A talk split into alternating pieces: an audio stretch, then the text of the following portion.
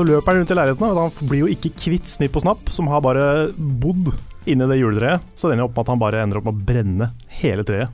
Så jeg tror nok jeg kommer til å stemme på Hillary i år, altså. Mm.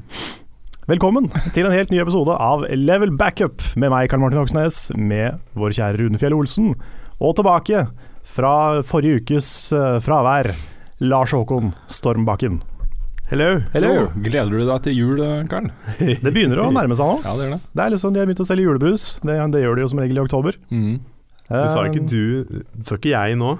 De, ikke sant? Det høres hørtes ut som du sa jeg har begynt å selge julebrus. Å ja, bare- ja, Lars har begynt å selge Nei, nei, men at du, at du sier at du tenkte du hadde fått deg en sånn jobb ved siden av. Å ja, og ja. du begynt å selge Ja, du får julebrus. ikke nok, får ikke nok på Patreon, så jeg tenkte vi eh, må begynne å selge litt julebrus.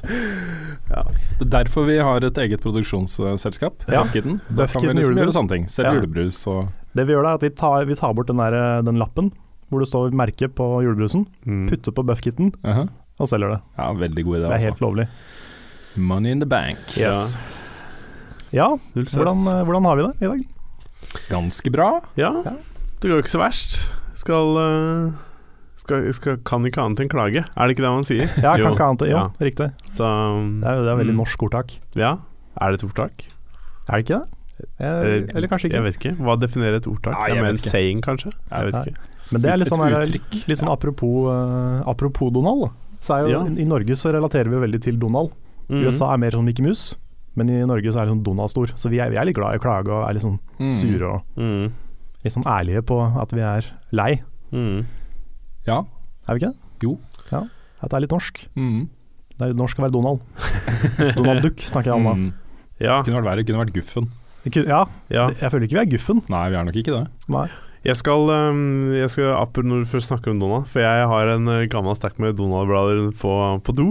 Så Oi. det hender at jeg leser Donald på, på do. Og det er ganske imponerende hva slags liksom, budskap de kommer med i noen av de gamle seriene. Dette er fra midten av 80-tallet. Så var det en episode med Madam Mim. Og hele greia gikk ut på at hun skyldte skatt, og hun ville overhodet ikke betale skatt, så hun trylla seg om til en eh, slange for å liksom slippe unna skattefuten, og det var ikke måte på, liksom. Og mm, hele greia ender i hvert fall med at hun faktisk klarer å dra tilbake de pengene hun da har betalt i skatt, så det er sånn Hva sier egentlig den historien der? Det er ganske Så sånn hun har, ikke, hun har ikke betalt skatt på sikkert eh, 20 år, da. jeg vet ikke. Altså, Mm. men det, jeg bare syns det er litt sånn her Det er også et budskap å komme ut med, liksom. Ja, til, men er ikke, er ikke skattefuten en figur i Donald-universet? Ja, det er meget mulig. I gamle der- dager så var jo skattefuten en arbeidstittel. Ja, som Altså kom på døra en og sånn. person, liksom. Ja, Det er riktig. Ja. Er ikke det Hva heter det nå? Skatteinnkreveren hva heter det nå? Det har de ikke tatt Jeg burde visst det, kona mi jobber Ja, i skatte, skatteetaten. ja. Ja. Vi får ha kona di som gjest neste gang. Ja, Kan vi kanskje snakke om skatt. Mm. Det, Det blir en spennende episode. Ja. Bare glede seg. det blir bra. men det er ganske kult. Hun sitter og jobber med systemer for uh, fremtidens uh, skattesystemer. Mm.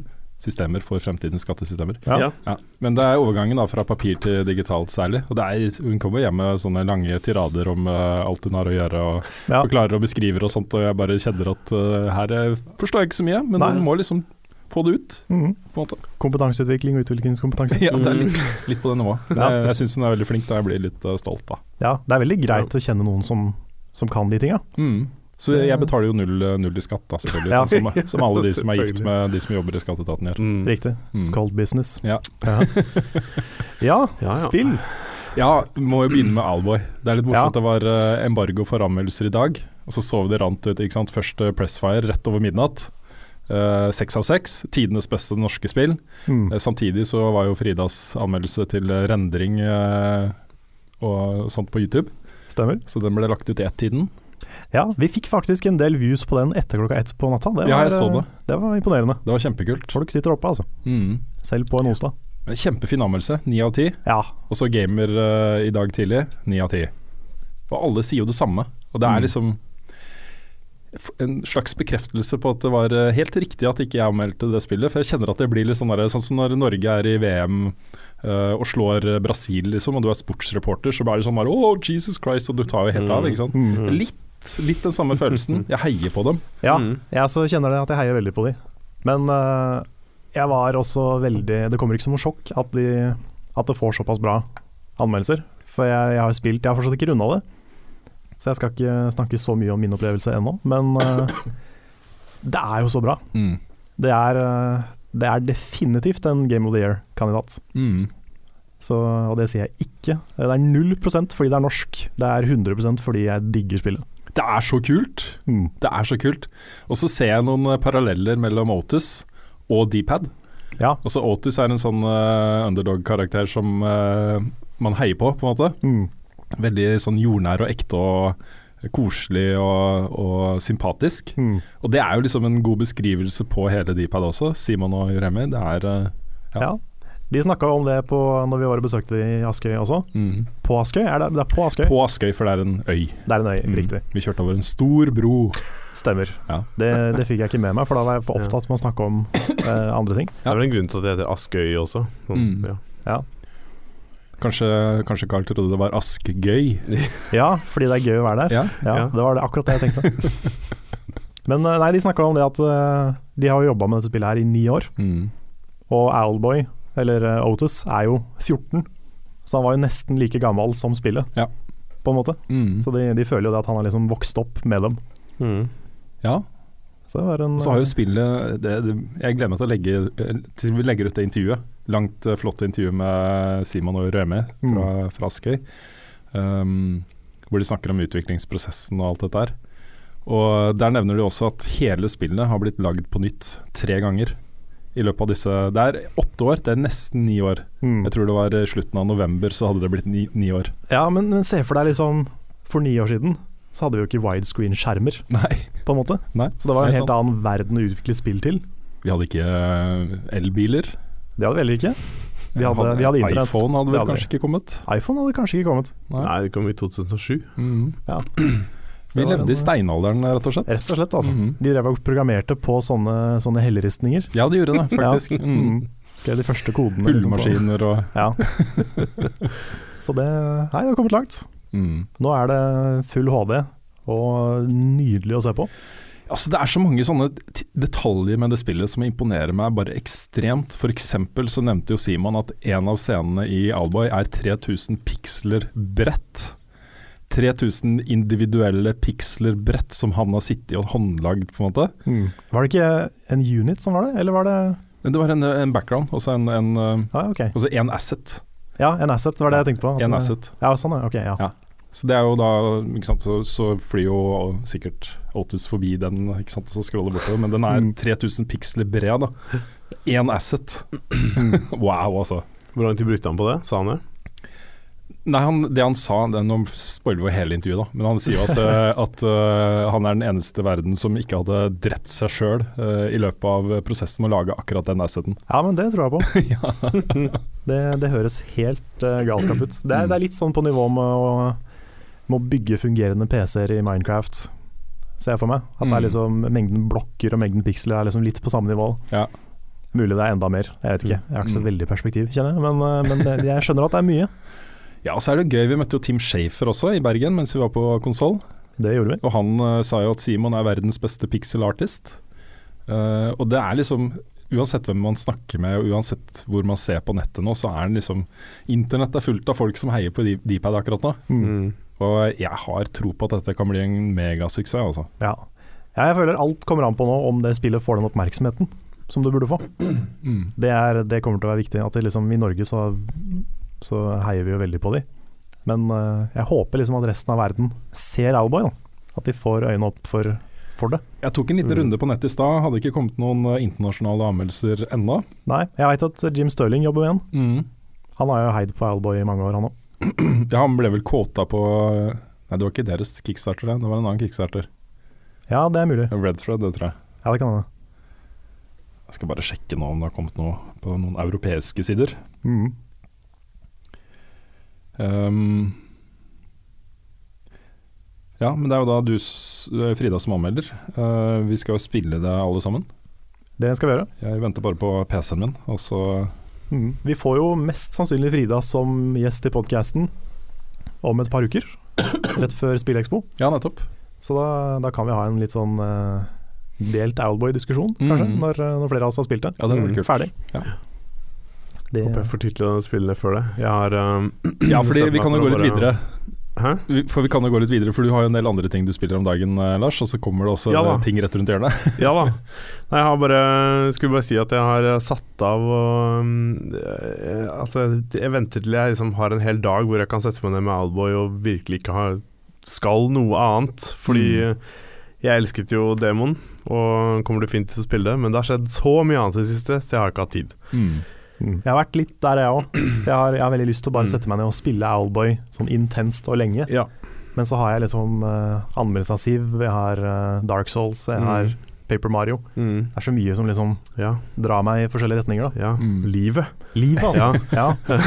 Men jeg har, jeg har lyst til å bare virkelig dedikere meg bare til Owlboy Mm. og spille gjennom hele greia. Mm. Det føles mest riktig. Ja.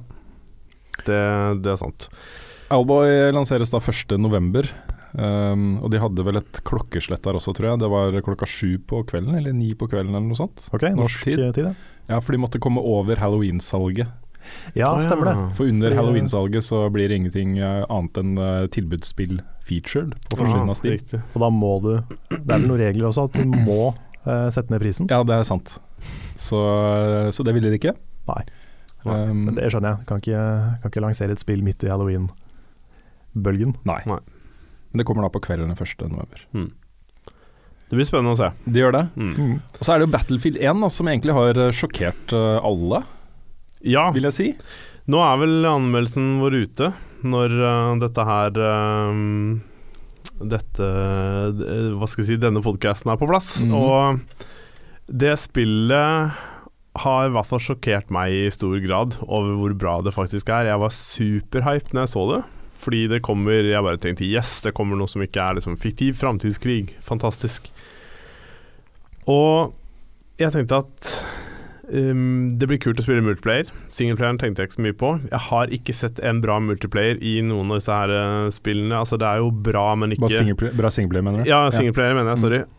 Noen bra singleplayer som er liksom engasjerende, da. Og så snakket jeg vel tidligere om i podkast at jeg håper at de gjør noe bra. De har sjansen til å gjøre noe bra med liksom første verdenskrig og hele den pakka der.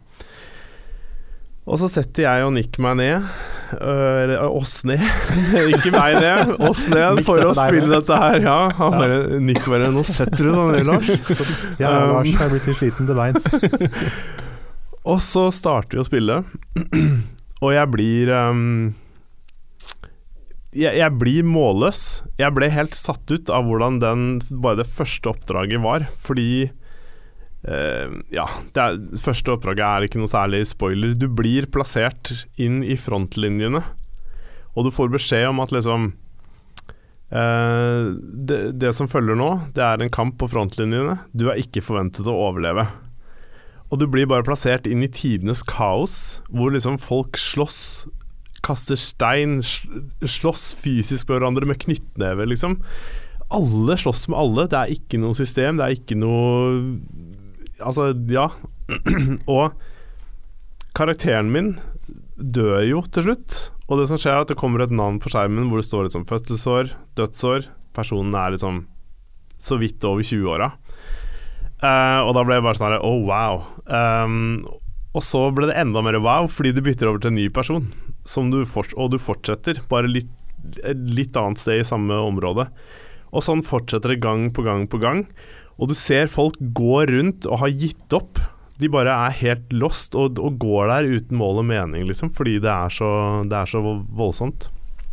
Og hele den derre det, det, det var nesten så jeg liksom ble litt på gråten, for det var så følelsessterkt. Og jeg har, har aldri opplevd noe sånt i et, et sånt type spill. Jeg tenkte bare Hva er dette her for noe? Mm. Hvordan, hvordan, altså, du fikk så sykt følelse av hvordan det var å være i første verdenskrig. Det er vel ingen av oss som, som, som er gjenlevende som kan forklare det, men um, herregud, de har captura det på en bra måte, altså.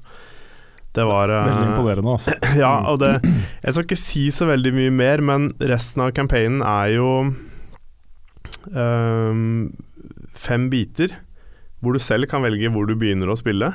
Og det, det starter med, med personer som vi til slutt fant ut at vi må søke hvem er disse personene, er det ekte personer? Og det viser seg at mange av de fant vi på, nett, eh, altså på en sånn database hvor liksom folk som hadde eh, kjempa første verdenskrig. Han første vi spiller, har bl.a. fått liksom sånn Medal of Honor, blant en av de eneste, liksom, som overlevde krigen, da. Um, og da ble det altså så Det ble så sterkt. Mm. For det ble så, det ble så ekte, og jeg, jeg klarer nesten ikke å forklare det. Jeg har brukt mange ord for å forklare det i selve anmeldelsen, så jeg håper at den er dekkende nok. Jeg anbefaler å bare se den. Um, men dette spillet her burde, det burde nesten vært pensum på skolen. Det, det, Altså, jeg tror også det ville, det ville gjort noe med de som For vi satt og tenkte bare Jeg kan ikke huske at historie var så gøy. Altså, det er sånn derre så teit at ikke jeg innså det når jeg gikk på skolen, hvor gøy historie egentlig er. Mm. Og så er det Og så er det så sterkt å få gjenfortalt uh, historier på den måten her, da. Det var rett og slett bare følelsesladde scener. Du trodde på alle karakterene. Uh, og særlig det ene oppdraget. Jeg kan godt si hvilket oppdrag liksom det er. Jeg skal ikke si noe om det, men det er oppdrag nummer to.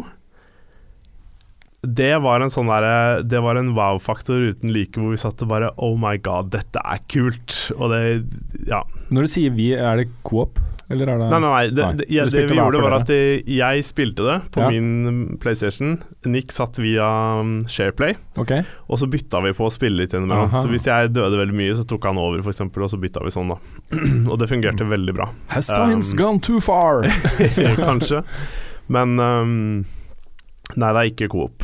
Men um, Jeg, jeg syns det er Altså, uh, den derre diskusjonen om hvorfor krig er underholdning, har jo fulgt spill Mm. med det hele veien. mm, Jeg syns det er veldig gøy uh, og interessant da, å se en stor spillutvikler ta litt ansvar og Ja. levere. Fordi uh, multiplayer-delen er jo sånn som multiplayer alltid har vært. Det er Mm. gøy, liksom. Det er Mm. konkurranse og poeng og mm, altså, ganske fjernt fra virkelighetens første verdenskrig. mm, Mm. Så har du da en singleplayer-campaign i tillegg som prøver å liksom sette folk eh, litt i den modusen. For, forklare for dem hvordan denne krigen egentlig var. Ja.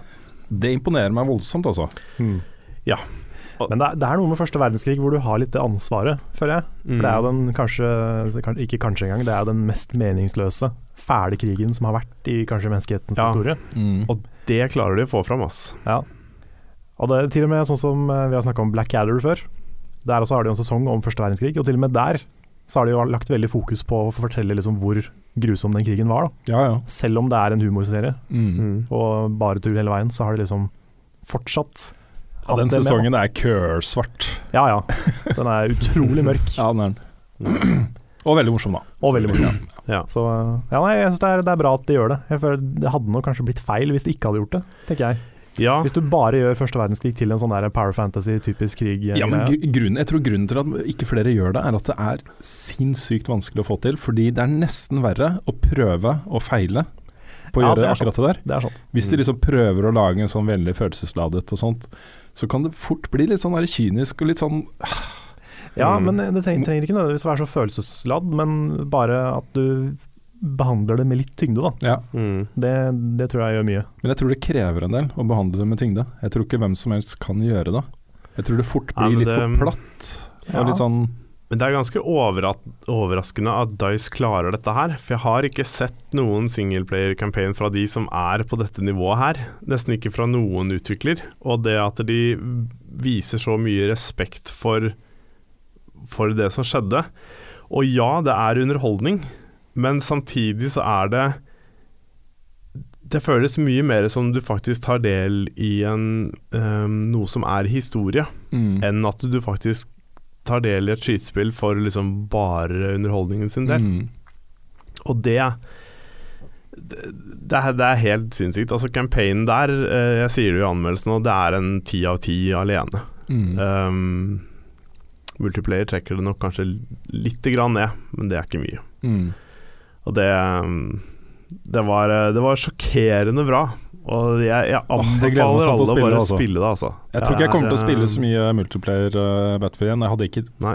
var ikke i nærheten av å planlegge å spille singleplayer heller, men nå står det ganske høyt opp på lista mi. Altså. Ja, jeg er som å jeg også må spille den singleplayeren. Altså. Det anbefaler jeg å gjøre, altså, fordi det er, eh, det er ikke en sånn uh, som vi snakket om, America fuck yeah-opplevelse, dette her. Nei. Det er noe helt annet. Mm. Og det Det er eh, det, det er flott å se, rett og slett.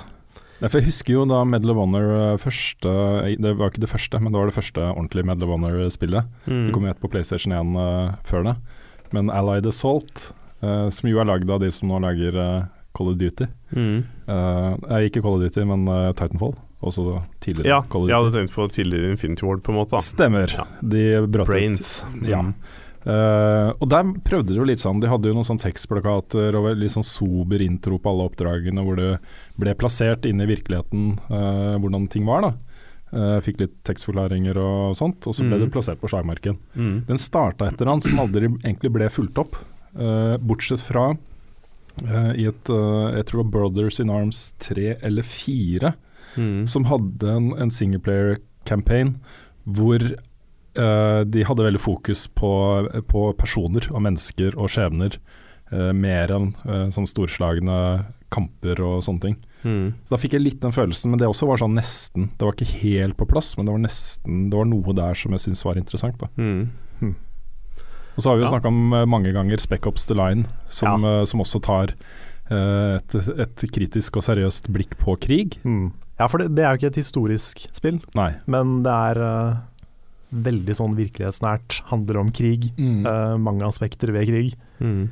Utrolig bra historie. Så hvis du, uh, hvis du skal spille en singleplayer campaign i tillegg til Battlefield 1, så uh, Mm.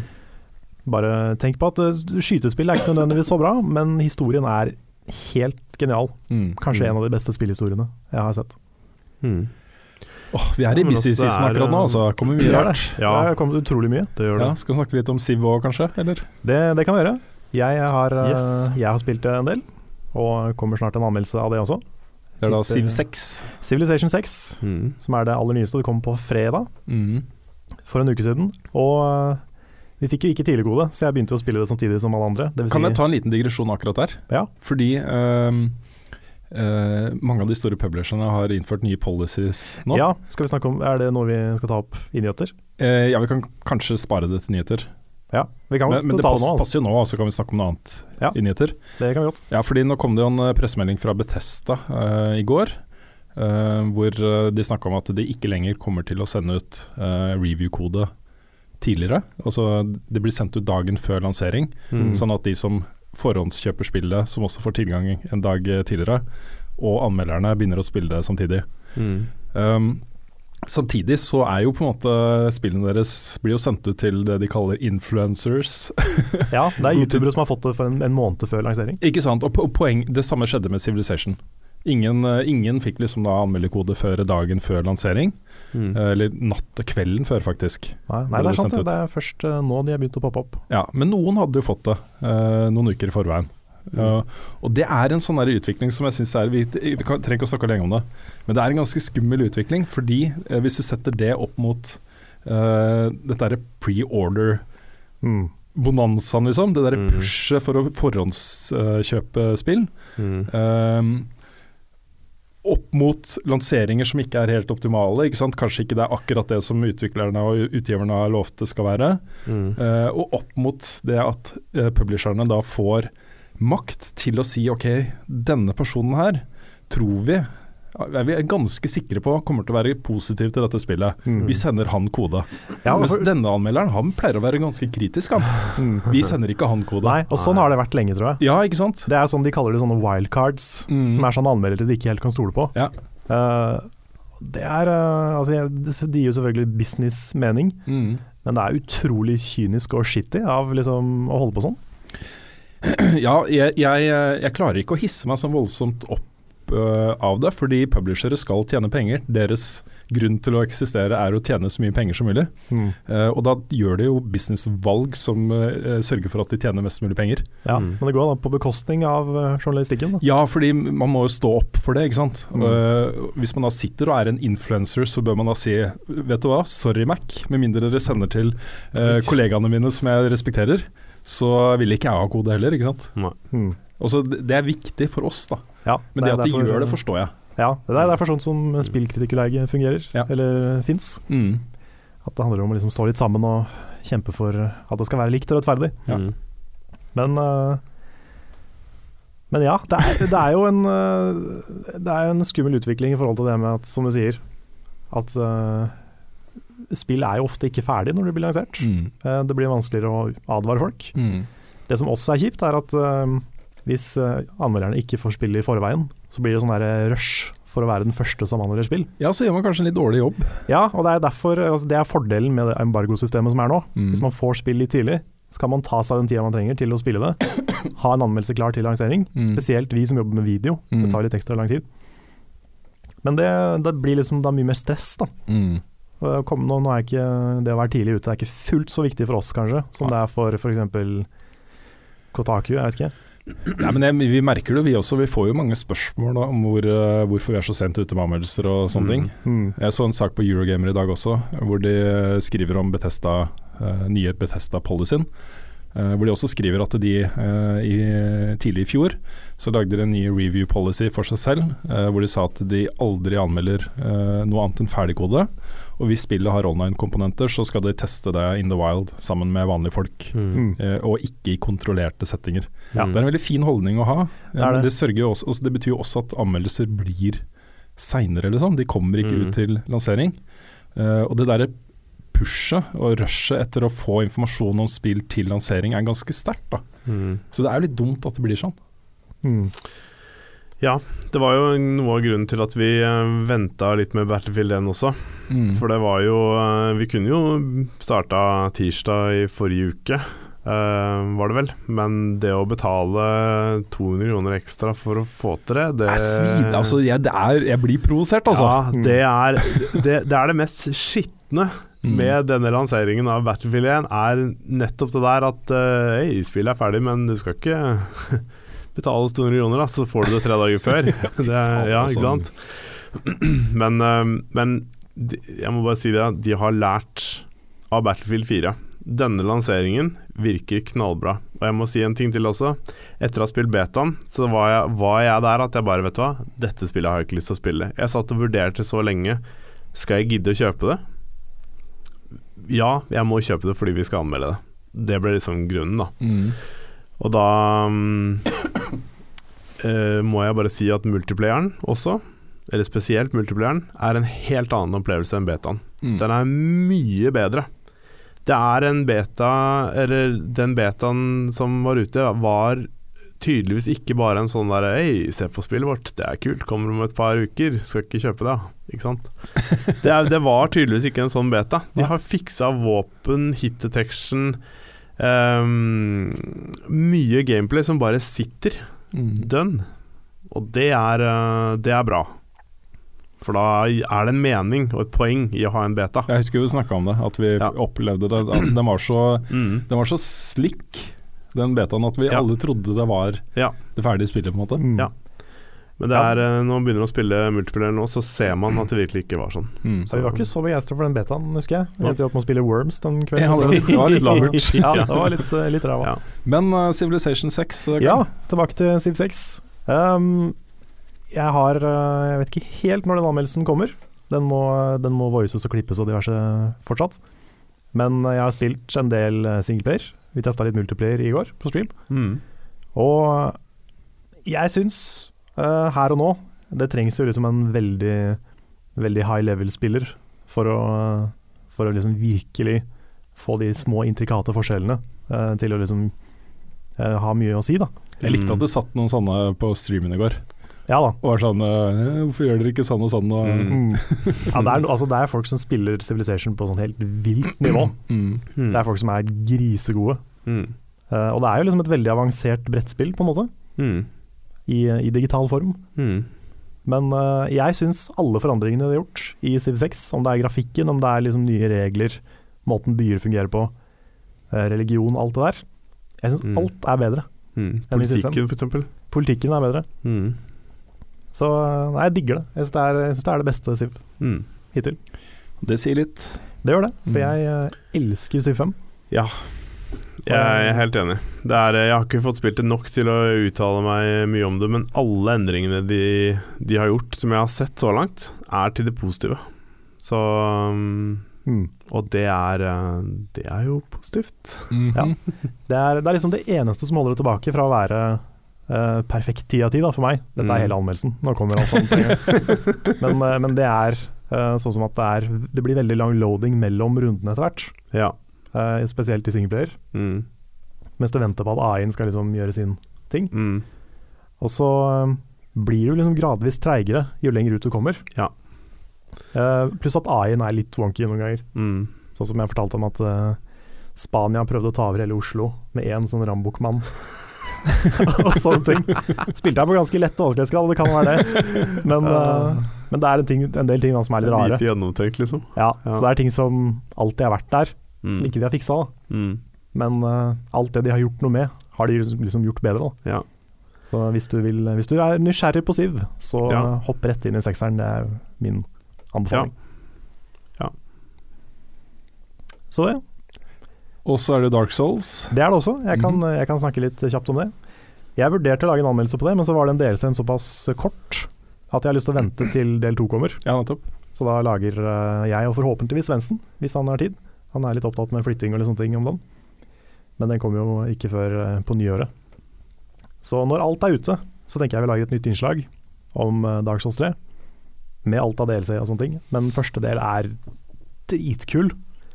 Ikke så lang, som sagt, men eh, det som er der, er utrolig bra. Tøft. Det er pent, og det er jeg Skal ikke spoile noe, men det er en boss som er kanskje et høydepunkt i hele serien. Det er en av de eh, sjukeste bossene jeg har opplevd i spill. Jeg har lyst til å lage et innslag om den bossen. Ja, men gjør det. Sånne ting syns jeg vi bør gjøre mer av. Ja, ja, kanskje. Jeg må vente litt til liksom folk har opplevd det. Jeg har ikke lyst til å spoile bossen. Jo, men det blir jo en spoiler, eh, Ja da, et spoilerinnslag.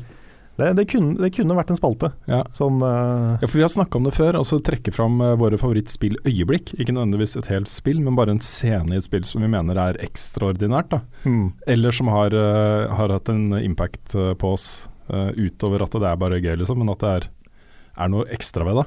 Ja.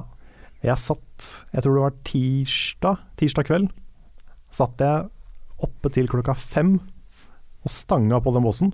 Jeg er sikker på jeg satt i fire timer. Og kanskje sånn forsøk 55 eller noe sånt. Så klarte jeg det. Men da er det jo ikke så kort allikevel, da. Hvis du, Nei, nei altså vanskelighetsgraden gjør det jo lenger. Ja, nettopp. Men, eh, men content-messig så er det litt kort. Mm. Men det som er der er veldig, veldig bra. Så det, eh, kort og greit, Dark Souls. Mm. Ellers så eh, har jeg vel ikke spilt så voldsomt mye. Jeg har spilt litt mer eh, Paper Mario, Owlboy har vi prata om. Og ja, bare hoppa litt fram og tilbake, egentlig. Mm. Det er meg. Ja, nei, jeg er eh, level, eh, level 400 på alle tre karakterene og har gått flawless med Robin Dilland og kjører heroic uh, hard race.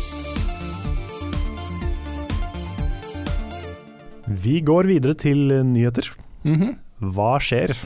Det skjedde jo fryktelig mye nå i forrige uke. Eh, vi dekka jo det i forrige podkast også, mye av det i hvert fall. Eh, Nintendo Switch som ble lansert, Stemmer. eh, eller avduket i en trailer.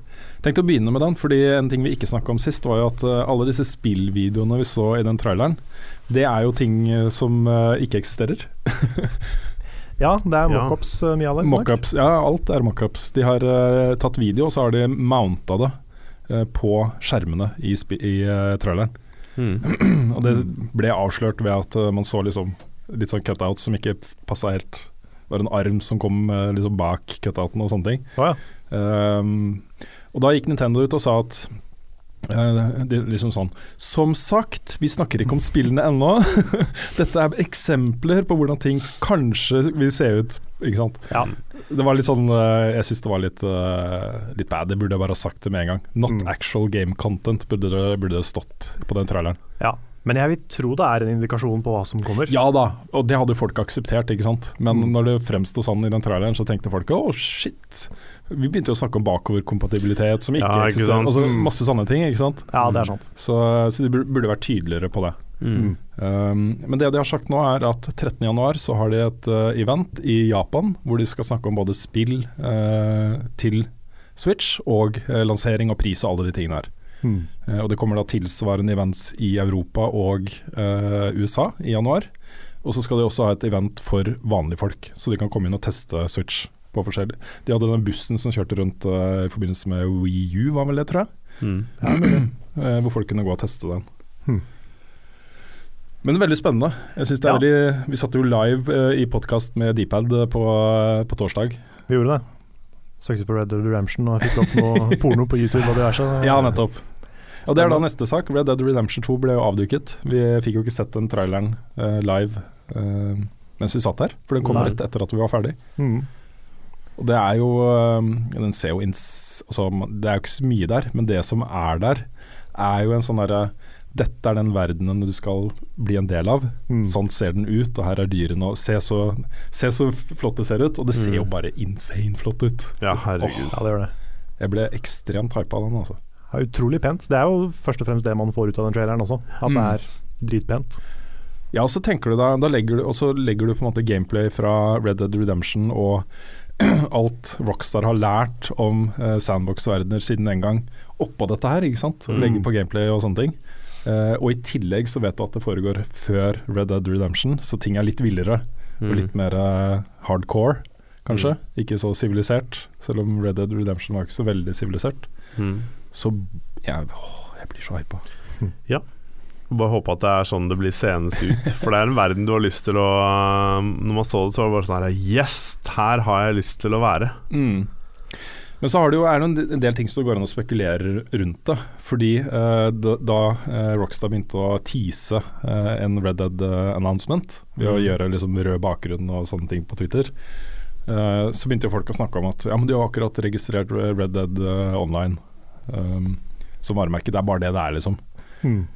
Det kan jo tenkes at det er store online-komponenter her, hvor du kan lage possis og gå ut og være liksom Gjøre ting sammen med folk. Ja, jeg Mm. tipper det er Red Dead-versjonen av GTA Online. Ja. Ikke sant? At det kommer der, det, er jo bare Bare det! oh, wow! Ja. Mm. Snart er vi heist heists i uh, Red Dead. Oh, What a time to be alive. Ja. ja, men det kan bli kjempegøy. Ja. Da vi lager sånn level up-crew. Er du gæren? At det blir gøy, altså. Mm. Det er da høsten 2000 altså Q3 slash Q4 2017 som ble satt som eh, lanseringsvindu. Ja, hvor Så mange delays Q2 tror du vi får? 2018, tenker jeg. Ja, Ja. ja. tipper det rundt her. Mm. Mye delay hadde GTA 5. Nei, det kom vel på tid, gjorde det ikke det? Gjorde det? Ja, jeg husker ikke. Gjorde det? Vet at det ble utsatt litt, da. Jeg, Jeg tror lurer på det ble utsatt, altså. Jeg er ikke så veldig opptatt av det, fordi spill får komme når det kommer. Ja. Ja. Så jeg sitter liksom ikke Jeg blir ikke lei meg hvis ikke det kommer Mm. ut neste høst. Men Nei. Nei da, men det er liksom det er, det, er, det er så kjipt at man på en måte må ha en sånn tid på alle releases som skal komme. Så Mm. tenker man sånn Ja, ok, 2017, det vil si 2018. Ja. Det, det, er, det, er, det er litt sånn teit å måtte tenke sånn. mm. Tenk om det var omvendt. At liksom de satte en veldig safe dato, og så ble det Mm. framheva. Mm. Tenk så koselig det hadde vært. Ja, det hadde vært Wow, nå kommer det før. Ja, det hadde vært uh, Ja. Men det, er, det var jo et eh, tydelig tegn på hvor, eh, hvor stort Red Dead Redemption har blitt siden lansering. Det at alle de store spillnettsidene satt jo livestreama i forkant. De satt og spilte Red Dead Redemption og hadde studiodebatter og sånne ting. Og Mm. telte ned til at traileren skulle bli sluppet. Vi ser jo aldri, vi, det, det ser man jo ikke. Nei. Og så, selv om man vet lanseringstidspunkt for en ny trailer, så sitter jo ikke folk og livestreamer i forkant liksom, og har svære events rundt det. Nei. Det er en big deal, altså. Mm. Ja, det er sånt som skjer. Det er sånn man ser under E3, liksom. Men ikke, ikke som regel med én, én trailer. Nei, ikke sant. Så, Ja, det big, big deal. Det er bare å glede seg. Mm. Altså, det er uh, Prøver ikke å hype for mye, men det er vanskelig. ja, det er vanskelig. Man skal være litt hypa, syns jeg. Altså, Ja hvis man ikke klarer å bli litt oppglødd over ting som kommer. Mm. Jeg vet det er liksom bedre å kose seg med ting som er ute og man vet hva er og sånne ting, men uh, Mm. Mm. Um, en annen uh, nyhetssak. Dette er kanskje litt smalt, men det er en ting som jeg syns er ganske kult. Uh, og det er jo at uh, e-sport er nå i, ferd med å flytte seg mer og mer over til konsoll. Ikke at det tar over for PC, men at også spillkonsoller blir valide um, e-sport-alternativer.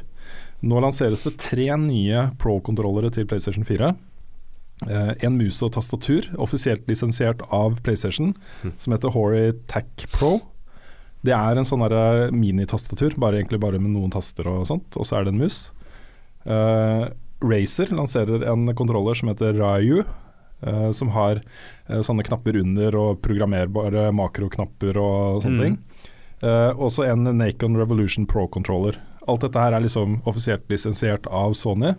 Uh, laget for e-sport. Laget for folk som driver competitive gaming på eh, PS4. Mm. Uh, på eh, Xbox One så har du jo eh, Pro-kontrolleren. Nei, det heter, det heter, heter den ikke Pro-kontroller? Jo, Jo, det den, det. jo, den heter det. Ja, og det samme så vi Um, i Switch-traileren, at Pro-kontrolleren kommer dit også. Mm. Mm. Jeg syns det er ganske interessant, altså. Jeg syns det er ganske kult. Ja, for ikke å nevne GameCube-kontrollen, ja. som er den, eh, Ja, ja, er den viktigste, den viktigste e-sport-kontrollen i verden. ja, ja, vi var jo på Smash-turneringa Clips 2 i helgen, Karl. Vi var det, altså. Det er, folk kommer jo med sine egne GameCube-kontroller og Ja, alle hadde det. Yep. Alle plugga inn sin egen. Ja, det er helt sant. Mm. Men jeg, jeg syns det er litt gøy, da. Og jeg blir, jeg blir skikkelig gira på disse kontrollerne her. Ja, det er jo kult at eh, At det kommer noe, noe eget som kan kanskje heve nivået litt. Grann. Fordi det jeg er mest spent på, er å se om, særlig når det kommer mus og tastatur, hvorvidt det blir kanskje noen egne innstillinger i spillet som gjør at det vil fungere litt annerledes. Fjerne aim assist, jeg Ja, vet fjerne, ikke. for at det skal fungere helt som Ja. på PC, så må de fjerne aim assist. Mm. Uh, og det er ikke bare bare. Det er noe Nei. som man programmerer inn ganske dypt inn i spillkoden. Mm. Så um, Ja. Jeg vet ikke. Ja, nei, det er en utfordring. Hvis du, hvis du spiller med mus og tastatur og hjemmesist, så blir det veldig fort rart. Ja, jeg har prøvd det en gang, fordi jeg kjøpte en sånn herre um, mus og tastatur til PS3 en gang, mm. som skulle fungere bra, da. Men det, det var litt laggy, og så var det sånn når du skulle flytte siktet, så merker du Du merker veldig fort når siktet ikke lenger følger musa di, fordi at den henger igjen fordi den sitter over en person, og du drar musa mens skjermen henger fortsatt etter, liksom. Ja, ja. Den er veldig mye mer tydelig da enn Mm. når du sitter på en kontroller hvor du har dødgang, ikke sant. Så um, Jeg tipper at i et spill som Destiny f.eks., så vil da de som kjøper mus og tastatur Det er mange som gjør det. mm. Det er mange som eh, har eh, Jeg vet om flere, jeg har ikke lyst til å henge ut noen med navn. For det er en eh, litt kontroversiell ting. Ja. Eh, men eh, da kan man jo jakte på våpen med så lite emissist som mulig. Ja, For der er jo det en, eh, en egenskap som er knytta til våpnene, ikke sant. Mm. At noen har mye, noen har lite. Mm. Så kanskje det blir en greie. Ja. Men det som, er, det som jeg syns er kult her, er jo at eh, dette åpner jo opp for en liten sånn renessanse for uh, LAN-parties. Eh, det er vesentlig lettere å dra med seg en, eh, en Nintendo Switch f.eks. Uh, enn å dra med seg uh, Mega Tower eh, PC ja. og sånne ting. Så jeg vet ikke, kanskje det blir noe Ja. der. Og Det samme gjelder jo PS4 og Xbox One. Det er jo små, nette maskiner. Liksom. Mm. Ja, I hvert fall den nye Xboxen. Den gamle er ikke fullt så nett. Nei, den er ikke fullt så nett. Den er ikke det. Men fortsatt å stikke unna de kraftigste Ja spill-PC-ene. Det er sant. Og så en kort sak som, eh, som jeg ikke vet hvor, eh, om det kommer til å få noe særlig impact i det hele tatt. Men uh, uh, Massive har endelig liksom blitt ferdig med finpussinga si av The Division. Uh, lansert update 1.4, som fikser hele spillet. Og så Jeg har fulgt litt med på nettet nå. Det, det er jo fortsatt noen som er igjen. Veldig hardcore spillere som har fulgt dette spillet hele veien, og som fortsatt liker det, og som fortsatt er der. I Mm. påvente av denne patchen. da Mm. uh, som sier at nå er- fungerer det sånn som det burde ha fungert hele tiden. Mm. Uh, I praksis så er det sånn nå at uh, når du leveler og kommer til end level content, så kan du velge hvilket level verden, hele verden er i. Så si du er level 31, da. Så kan du velge liksom at ok, alt du skal oppleve i denne verden nå er også level 31. Du risikerer ikke å møte level 33 bosser og folk som har overlevela i forhold til deg i, i Dark Zone og sånne ting Mm. og få lut basert på det levelet du er. Det er en utrolig god endring. Det burde liksom ha vært sånn hele tiden. Ja. Fordi Ja. det, folk, det som mange ble lei av, var jo å gå inn i Dark Zone og bli ganka og drept av liksom bosser som var flere leveler over deg, og du hadde ikke kjangs, ikke sant. Mm. Det ble en veldig frustrerende opplevelse. Mm. Men spørsmålet er om det kommer litt for seint, da. Ja, jeg tror jo det, men uh, Ja, jeg tror det er altfor seint. Jeg tror uh, altså, hvor, Det kan ikke være mange spillere igjen i spillet nå. Nei, Så kommer jo update 1.4 da, midt i lanseringen av Battlefield 1. Nå kommer Titanfall 2, Mm. Mm. eh, Call of Duty. Det er liksom Mm. ja, Det føles som om det toget har Ja. gått, altså. Mm. Ja, jeg avinstallerte det nå for å få plass til Battlefield 1. Ja. Så Mm. jeg vet ikke. Men det er verdt å nevne, fordi The Division i seg selv, som konsept og som spill, hadde jo noe eh, for seg. Og så Jeg syns det er så synd at ikke det var riktig balansert fra starten av, for det kunne ha blitt en så mye større greie. Mm. Eh, det er så mye med det spillet som, som er bra, da. Så, Ja, absolutt. så da syns jeg det er verdt å nevne det. Det kan hende at andre tenker det samme og tenker OK, få gi det en ny sjanse, eller Mm. Mm. Vi hopper videre til spørsmål og svar, og du har første spørsmål, Rune. Det har jeg. Det er fra Hans Christian Wangli på Patron. Han skriver Hei, i innslaget fra Eclipse 2 var det tydelig at Carl hadde hatt en noe slitsom dag med å tape. Derfor vil jeg få opp humøret hans med å spørre, ham, eh, spørre om han kan mimre tilbake til sine største seier eller prestasjoner innen spill. Dere andre får også svare, skriver han. Ja. Jeg må jo få sagt da, fordi det som skjedde, vi var jo på Smash-turneringen Eclipse 2. Uh, og opplegget vårt var at i en time så skulle vi i Level Up sitte og ta imot utfordrere fra salen. I utgangspunktet så skulle også Nick eh, og Sønsten være med, eller i hvert fall var det det vi håpa på. Mm. Uh, ingen av de kunne. Nei. Uh, så du satt med en kø av Smash-spillere uh, bak deg i en time. Ja.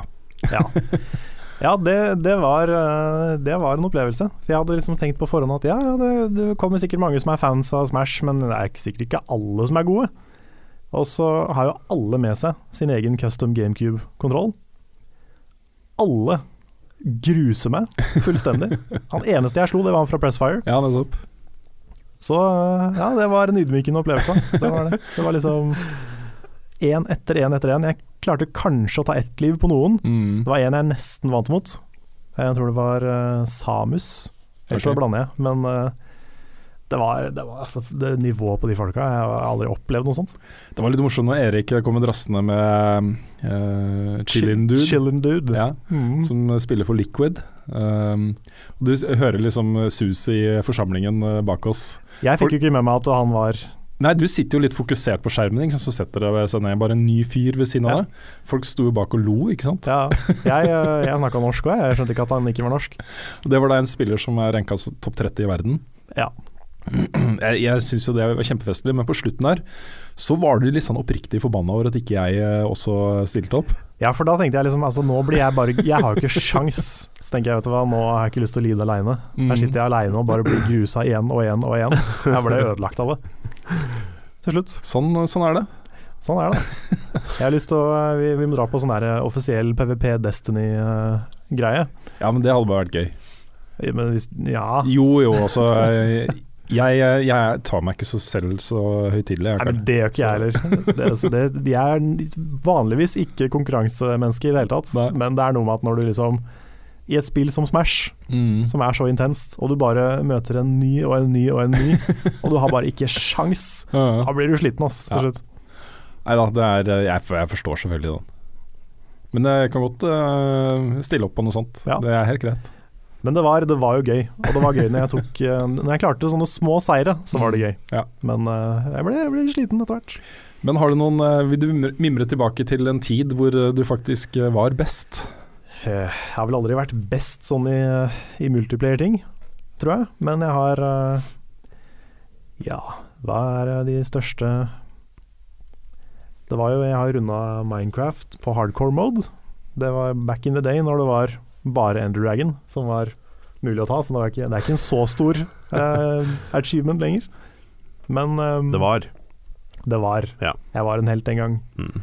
Så begynner folk å gjøre det på ultra hardcore med alle bossene, og da er det ikke fullt så, fullt så stort lenger. Men um, så har jeg jo tatt alle bossene i Dark Souls 3, Dark Souls 1 og Bloodborne uten summoning. Det, er, det har vært en sånn ting som jeg skal gjøre. Da spesielt den siste bossen fra den nye DLC-en. Jeg er ganske stolt over at jeg endelig klarte å ta. Mm. Så er det en del sånne superbosser. I sånn som Kingdom Hearts 2 så er det en helt sånn vill um, hemmelig boss som heter Lingering Will eller Lingering Spirit eller noe sånt. Det er en av de verste bossene jeg har opplevd i spill. Og også veldig morsom å slåss mot, men helt insane vanskelig, Mm. som jeg har tatt. Men eh, jeg har jo flere, men jeg vet ikke om jeg kommer på de sånn i farta. Sånne stolte øyeblikk. Men Mm. eh, jeg har noen. Noen få. ja, kult. Ja. Eh, jeg kom på et øyeblikk som jeg er litt sånn eh, Litt sånn stolt av. Vi spilte jo en del eh, competitive eh, Call of Duty Modern Warfare 2 i sin tid. Og ehm, vi eh, spilte da en sånn Game Battles-match mot datidens beste europeiske lag, H2K. De var i hvert fall- de var iallfall ett av de beste. De er fortsatt aktive. Det var jo eh, Ja. siste gjenværende europeiske lag i, i eh, League, League of Legends Worlds også, nå. Ja, riktig. Um, og Så da husker jeg vi spilte en match hvor vi, hvor vi kjempa så hardt. Og vi hadde vel én hvor vi klarte å dra uavgjort. Og så måtte vi spille det om igjen, eller noe sånt. Og da tapte vi. Og så vant vi vel en match, og så tapte vi siste, da. Så vi tapte jo overall, men allikevel så var det sånn Vi ga de en real fight, Ja, det liksom. Og det var utrolig kul opplevelse. Og jeg husker, for jeg har alt det der på recording, det ligger faktisk på YouTube-kanalen min hvis man graver godt. Og det er kult, Mm. rett og slett. Det er ikke noe annet å si enn det. Så Jeg har en helt Ja. lik historie. Eh, eh, jeg spilte jo competitive eh, Half-Life 1, ja. Team Deathmatch. Ja. Og da var vi med i en eh, europeisk cup eh, med alle de beste europeiske lagene på den tida. Da. Mm. Og vi var jo blant de dårligste lagene i den cupen. Mm. Vi, eh, men vi var jo sikkert topp ti i Europa, da. Men uh, nivåforskjellen var ganske stor fra toppen og bunn, vil Ja. jeg si. Altså ikke sånn voldsom, ja, ganske stor. Men vi spilte mot et lag, et tysk lag som het RI, jeg husker ikke hva det står for. Uh, og alle hadde jo forventa at vi skulle bli grisebanka av dem. Mm. Uh, men så første map, så freser vi på. Og vi, vi, taper, vi taper mappet, men uh, bare så vidt. Mm. Og den, den følelsen av å spille mot noen du har forventa selv, at du kommer til å bli grisebanka, Mm. og så bare freser man rundt med shotgun og tar dem ned. Og spiller smart, da. Eh, skikkelig smart og har sonekontroll og har skikkelig kontroll over matchen i store deler av, eh, av tida. Mm. Den følelsen, altså.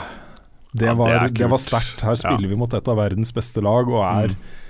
ordentlig med. Ja. Det var kjempegøy. Det er gøy. Det gir, eh, det gir sånn lagånd og glede, bare, å Mm. oppleve sånne ting eh, sammen. Ja, ja det var kult. Jeg kom på én liten ting, kan jeg ta det òg? Ja da. Vi lå um, spilte Far Cry 2 multiplayer, nemlig. Mye. Og der lå jeg og en kompis blant topp ti i verden på multiplayer. Så så på Uh. rankings sto vi med liksom ti og elleve. Eller ni og ti var det kanskje. Ja. Wow. så det var sånn her, litt gøy. Mm. Ikke at det kanskje var så veldig stort eller populært, jeg vet ikke, men uh, Nei, men jeg har jo bare sånn, jeg også. Jeg var ranka som nummer to i Norge i Trackmania Nations. mm. Uh, fordi jeg spilte mye på sånne servere som man klarte å få mye Mm. poeng av.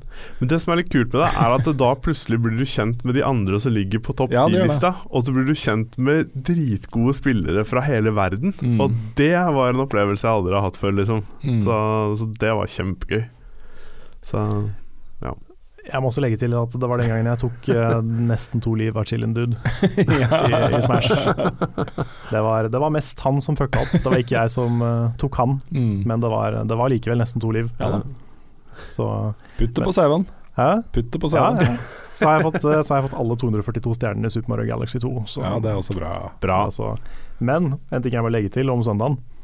Han Erik, han, han gikk jo bort på det anlegget når han skulle annonsere at vi skulle spille Smash, Mm. Og sier at ja, han Carl han mener han er sykt god.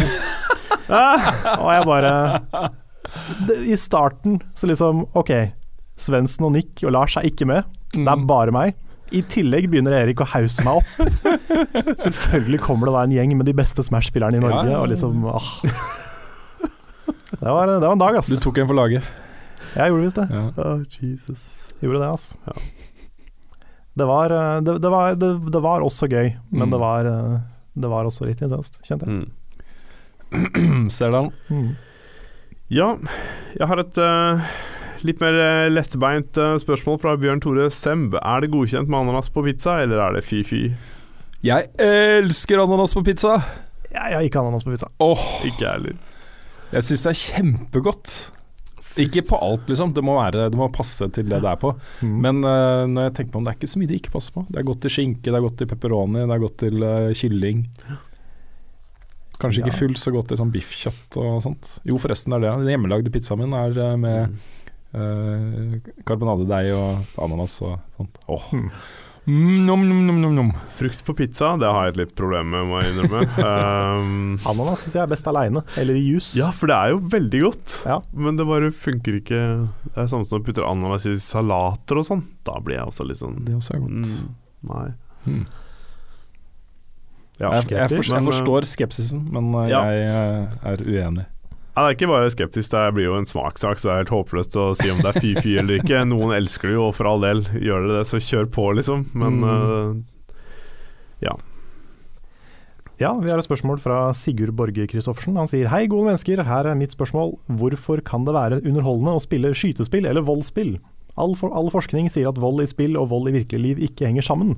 Men jeg forstår ikke alltid selv hvorfor vold i spill er så tiltalende som det kan være. Veldig interessert i å høre hva dere tenker om dette. From Tokyo with love.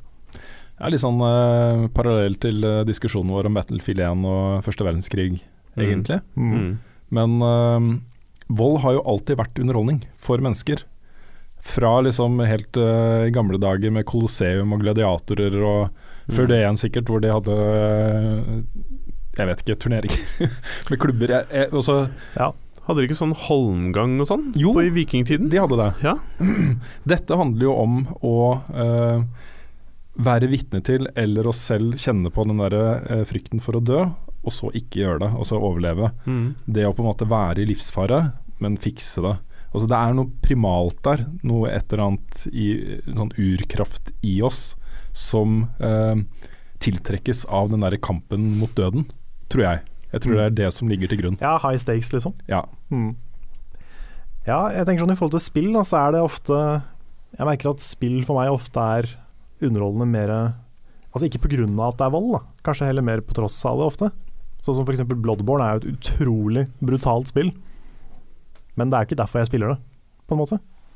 Jeg spiller det fordi det er utrolig bra mekanisk, uh, mestringsfølelse og sånne ting. Mm. Jo da, men, men det er noe med den uh, det bakteppet som Uansett om man er bevisst på det eller ikke, som jeg tror er tiltalende. Som gjør altså at det er så brutalt, liksom. At det blir litt gøy, da. Ja. Ja, jeg, Det er litt ulovlig, liksom. Du, Ja, du får liksom. lov sånn. til å gjøre noe du ikke kan gjøre i det virkelige liv. Mm. I hvert fall preferabelt. Ja da. Jeg, jeg er usikker på om jeg har helt den. Altså, Ja, sikkert, sikkert litt, men øh, jeg tenker liksom hvis Bloodborne hadde handla om Hvis mekanikken hadde vært det samme, da, men det handla om noe annet enn å liksom brutalt drepe monstre. Mm. Jo, Så men poenget her er jo at hvis ikke du brutalt dreper de monstrene, så brutalt dreper de deg. Mm. Ja, ja, men det også er mekanisk, ikke sant. Det handler jo ikke om volden, tenker Nei. jeg. Hvis det, hvis det hadde vært uh, kasta blomster på hverandre, liksom. Så Ja. Hvis det hadde ikke du er flink, så vært et like går det skikkelig ille med deg. Det er litt den der, jeg, Ja, jeg ja, men det det, også trenger jo ikke å kommuniseres med vold, tenker jeg. Ja, altså jeg er helt enig, fordi at det, jeg tenker heller aldri noe særlig over volden. Det kommer, det kommer veldig an på settingen som spillet legger opp til. Om dette her er en handling som er liksom over the top eller ikke. Mm. Mm. Ikke sant? For noen spill gjør jo det, og da, når jeg begynner å tenke over det, så er det sånn at bare, vet du hva? Jeg har ikke lyst Når du får noen valg f.eks. om å skyte en person eller ikke, jeg står alltid over, som regel. Så um, Ja, jeg vet ikke, også fordi man må jo trekke paralleller her til uh, film også, egentlig. Eh, Med Ja, liksom det- det Ra Rambo og Steven Segal og liksom fremveksten der. Jo. Hvor, uh, morsomt det var med at han gikk rundt med nevene sine og bare tok på folk, og så knakk han nakken deres. Og, Mm. Ja, det, det er jo hele den der Michael Bay-action-greia. ja, eller Quentin Tarantino, Ja. Pulp Fiction, uh, Reservoir Dogs. Mm. Mm. Ja, for der også er liksom Jeg syns jo det er Jeg kan jo se på det, men det er heller ikke min sjanger, kjenner jeg. Som, det er ikke det jeg ser på hvis jeg skal kose meg. Nei, jeg skjønner jo det, men det er også Du må ta de sekvensene f.eks. i, uh, i uh, uh, Hva het den filmen igjen, da? Fra andre verdenskrig til Quentin Tarantino. Den uh, oh, ja, ja, ja, eh, Inglorious Bastards. Ja. Inglourious Bastards. Mm. Hvor, uh, hvor han står og skyter Hitler i ansiktet med maskingevær. Altså hvor grafisk det er og sånt. Mm. Det er, det er noe der. Altså, det er et eller annet med den type scener som trigger et eller annet i oss, og som, Mm. som, som gjør at du syns det er eh, gøy eller humor eller altså, Ikke fordi det er, vi tror det er ekte, men fordi det er noe Det er noe i oss Mm. som tiltrekkes av den type ting, da. Scener, tror jeg. Ikke alle, kanskje, men, Nei, ja, og det er nok- noen i større grad Det er nok andre. sånn for mange. Det er ikke fullt så sånn for meg, kjenner jeg. Jeg, jeg får ikke helt den. Det er, det er, altså jeg, jeg skjønner hva du mener. Mm. Eh, jeg, har liksom, jeg har følt det, men det er veldig sjelden jeg gjør det. Mm. Men så har du også sekvenser i f.eks. Game of Thrones og andre ting hvor, hvor uh, volden er mer sånn for å gi deg en følelse av hvor brutalt dette universet er. Mm. Og selv om man sitter der Jeg sitter også litt med hendene foran ansiktet og sånn Mm. på de verste scenene i Game of Thrones. Uh, så føler jeg jo at det tilfører noe i serien. Altså at det, det uh, hever min opplevelse av det. Og det hadde ikke vært det samme altså, hvis, uh, hvis The Mountain uh, ga The Viper blomster, liksom. Nei, nei, men der handler det om historiefortelling ja. også. For, eh, apropos, kan jeg ta en liten digresjon på akkurat det? Er, uh, Dette er podkasten for det. Ja, fordi mm. jeg, på, jeg har tenkt på Game of Thrones i forhold til The Walking Dead i det Mm. siste. Nå skal jeg prøve å snakke om den første episoden av sesong sju, eller seks, det er vel sju, uten å spoile noe. Men det er liksom Altså, Walking Dead har hatt liksom en sånn litt sånn Red Wedding-aktig scene i det siste.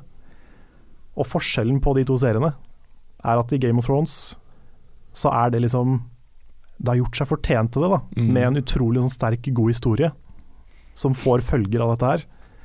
Mens i Walking Dead, nå vet jeg at det foregår ting i tegneserien og hva som skjer der og sånne ting, og de er jo litt trofaste mot det. Men i Walking Dead så er det liksom måten det er filma på, måten de gjør det til en cliffhanger, måten de presenterer det på, drar det ut på, føles så utrolig billig. Mm. Så jeg sitter og blir litt sur. Okay. Jeg kjenner jeg blir provosert av måten de liksom presenterer det der på. Mm. Så der Game of Thrones på en måte gjør seg fortjent til en så forferdelig liksom, episode, da, Mm. så har ikke Walking Dead gjort det, syns jeg. De gjør det liksom- kanskje bare for å sjokkere, liksom. Det er akkurat det. Mm. Det er sånn billig, det er sånn sjokkgreie. Mm. Og de drar det ut og gjør det ekstra grafisk og ekstra ekkelt. Jeg kjenner liksom jeg, Det er veldig sjelden at jeg, at jeg kjenner at jeg blir sånn nesten traumatisert av når jeg ser på TV lenger. Mm. Men uh, den episoden har plaga meg etterpå, liksom. Mm. Det var liksom ting der. Uh, jeg skal ikke si hva, men det var enkelte ting der som ikke var helt greit, kjente jeg. Nei. Og når det i tillegg da liksom er gjort for sjokk, Ja. og er gjort for en sånn her billig Ja, jeg, jeg syns ikke det er bra nok historiefortelling i den serien tatt i eh, at de fortjener det, Nei. rett og slett. Mm. Så jeg har eh, Jeg har vært litt fram og tilbake på den episoden. Det er eh, Jeg skal ikke jeg skal, jeg skal fortsette å gi den serien en sjanse, for den har vært veldig opp og ned opp Mm. åra. Men jeg syns dette her var eh, Ja. Jeg vet, jeg vet at det skjer i tegneserien, og jeg vet at det er mye av det samme, men serien har fremstilt det på en måte som jeg ikke var helt uh, fan av. Kjente. Mm. Jeg tror også det er uh, akkurat dette her når det gjelder vold i underholdningssammenheng. Um, så er det sånn at eh, det samfunnet vi lever i blir jo mer og mer sivilisert. Uh, mindre og mindre vold. Uh, folk er uh, Uansett hva man ser på nyheten og hva politikere mener samfunnet vårt er, så, så har vi det bedre og bedre. Flere og flere mennesker i verden har det bedre. Og bedre i da det samme klimaet så blir jo på en måte eh, underholdningsvolden kanskje mer og mer grafisk, eh, råere og råere. Er, jeg tror det er et eller annet altså, Vi flyr rundt og drikker kaffe latte og eh, sitter i de myke sofaene våre og betaler regningene våre på mobiltelefonen. Og, men vi er jo fortsatt dyr. Vi kommer fra eh, det dyriske, fra en sånn urting som, som handler om noe annet enn alle de reglene som er i samfunnet som gjør oss siviliserte, da. Eh, og alle de, den utviklingen som vi har hatt. Mm. Jeg tror det er noe i det der eh, krysningspunktet der, med hvor vi kommer fra og hvem vi er i dag, som gjør at vi får litt den derre Et eller annet i oss som vekkes av den type uh, tematikk. Ja, kanskje. Jeg tror det. Du har kanskje rett. Jeg vet ikke, jeg er ingen Nei, ekspert, men uh, Det høres uh, fornuftig ut, kan man si det. Så, Ja. ja. Jeg tror, det er, jeg tror det er veldig individuelt, men det er nok noe, noe der. Mm. Og apropos urkraften i oss, et Oi. eh, bra spørsmål fra eh, Øyvind Riser på Patrion. Hvem i Level Up-familien hadde holdt ut lengst på et Level Up-julebord? Ja, det, jeg har ikke verdens uh, meste erfaring med å drikke meg dritings, så Ja, er, det, er det det man fokuserer på da? Jeg, jeg tror jeg må si meg. Ja. Det er liksom en gjeng med folk som jeg tror går, går ganske tidlig fra før. Nei, Frida. Frida hadde holdt ut lengst. Vet du hva, Jeg jeg hadde, jeg hadde holdt ut ganske lenge, Ja. men jeg hadde ikke drukket. Nei, for det, jeg heller drikker jo nesten ikke. Nei. Jeg kan ta liksom et par eplesider, og det er det. Mm. Så jeg er verdens kjedeligste fyllerefest. Nei, men det bør ikke være Hvorfor skal det være kjedelig? Må man være drita? Jeg synes Neida. det er så feil å si at det er kjedelig, for det er ikke kjedelig selv om du ikke drikker, Karl. Nei, ok da, men, eh, nei, men det er liksom hvis du, hvis du vil ut og bli drita med noen, Ja. så inviterer du ikke meg, på en måte. Nei, nei, hvis man skal oppleve det sammen, så for all del, liksom. Men uh, ja. Da opplever vi masse annet gøy isteden, da. Ikke sant? Ja, Jeg har, det jo moro uten alkohol, ja som ikke det sant. heter. Ja. Jeg har drukket en del alkohol opp gjennom åra. Mm. Ikke så mye etter at jeg fikk barn.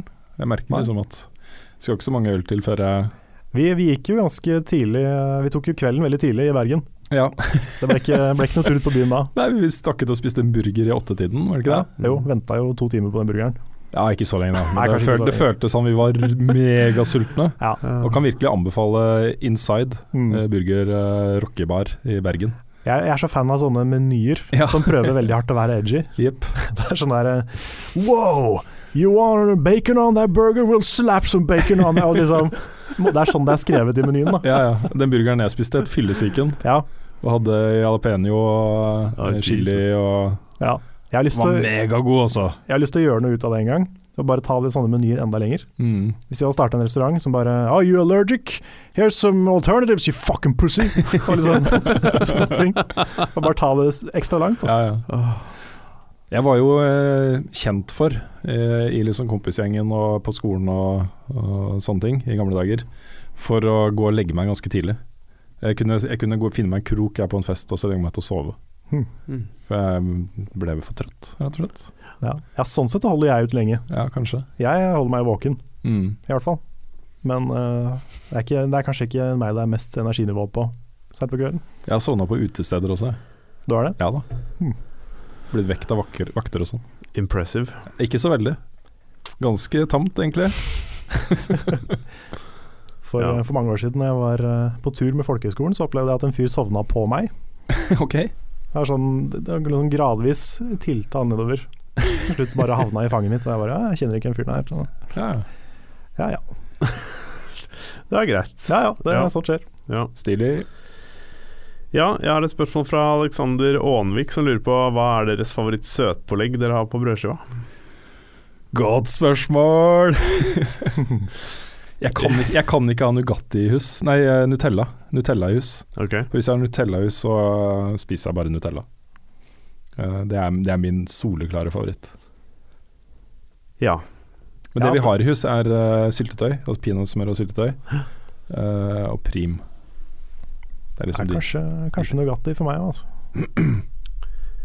Ja, altså jeg Helt ærlig spiser ikke noe søtpålegg på brødskiva lenger. Det er I nærheten av noe så må det være syltetøy. Men eh, jeg elska sånn sjokade, heter det. ja, det. Sjokoladepålegg, liksom. Sjokade med banan, det er ganske godt. ja, ja. ja. Altså, sjokoladebanan er jo en genial kombo. Ja, særlig den Eh, sjokadesjokoladen. Den er, Jeg tror aldri jeg har Ja. prøvd sjokolade og banan. Åh, det er godt, altså. Har du ikke spist banansplitt?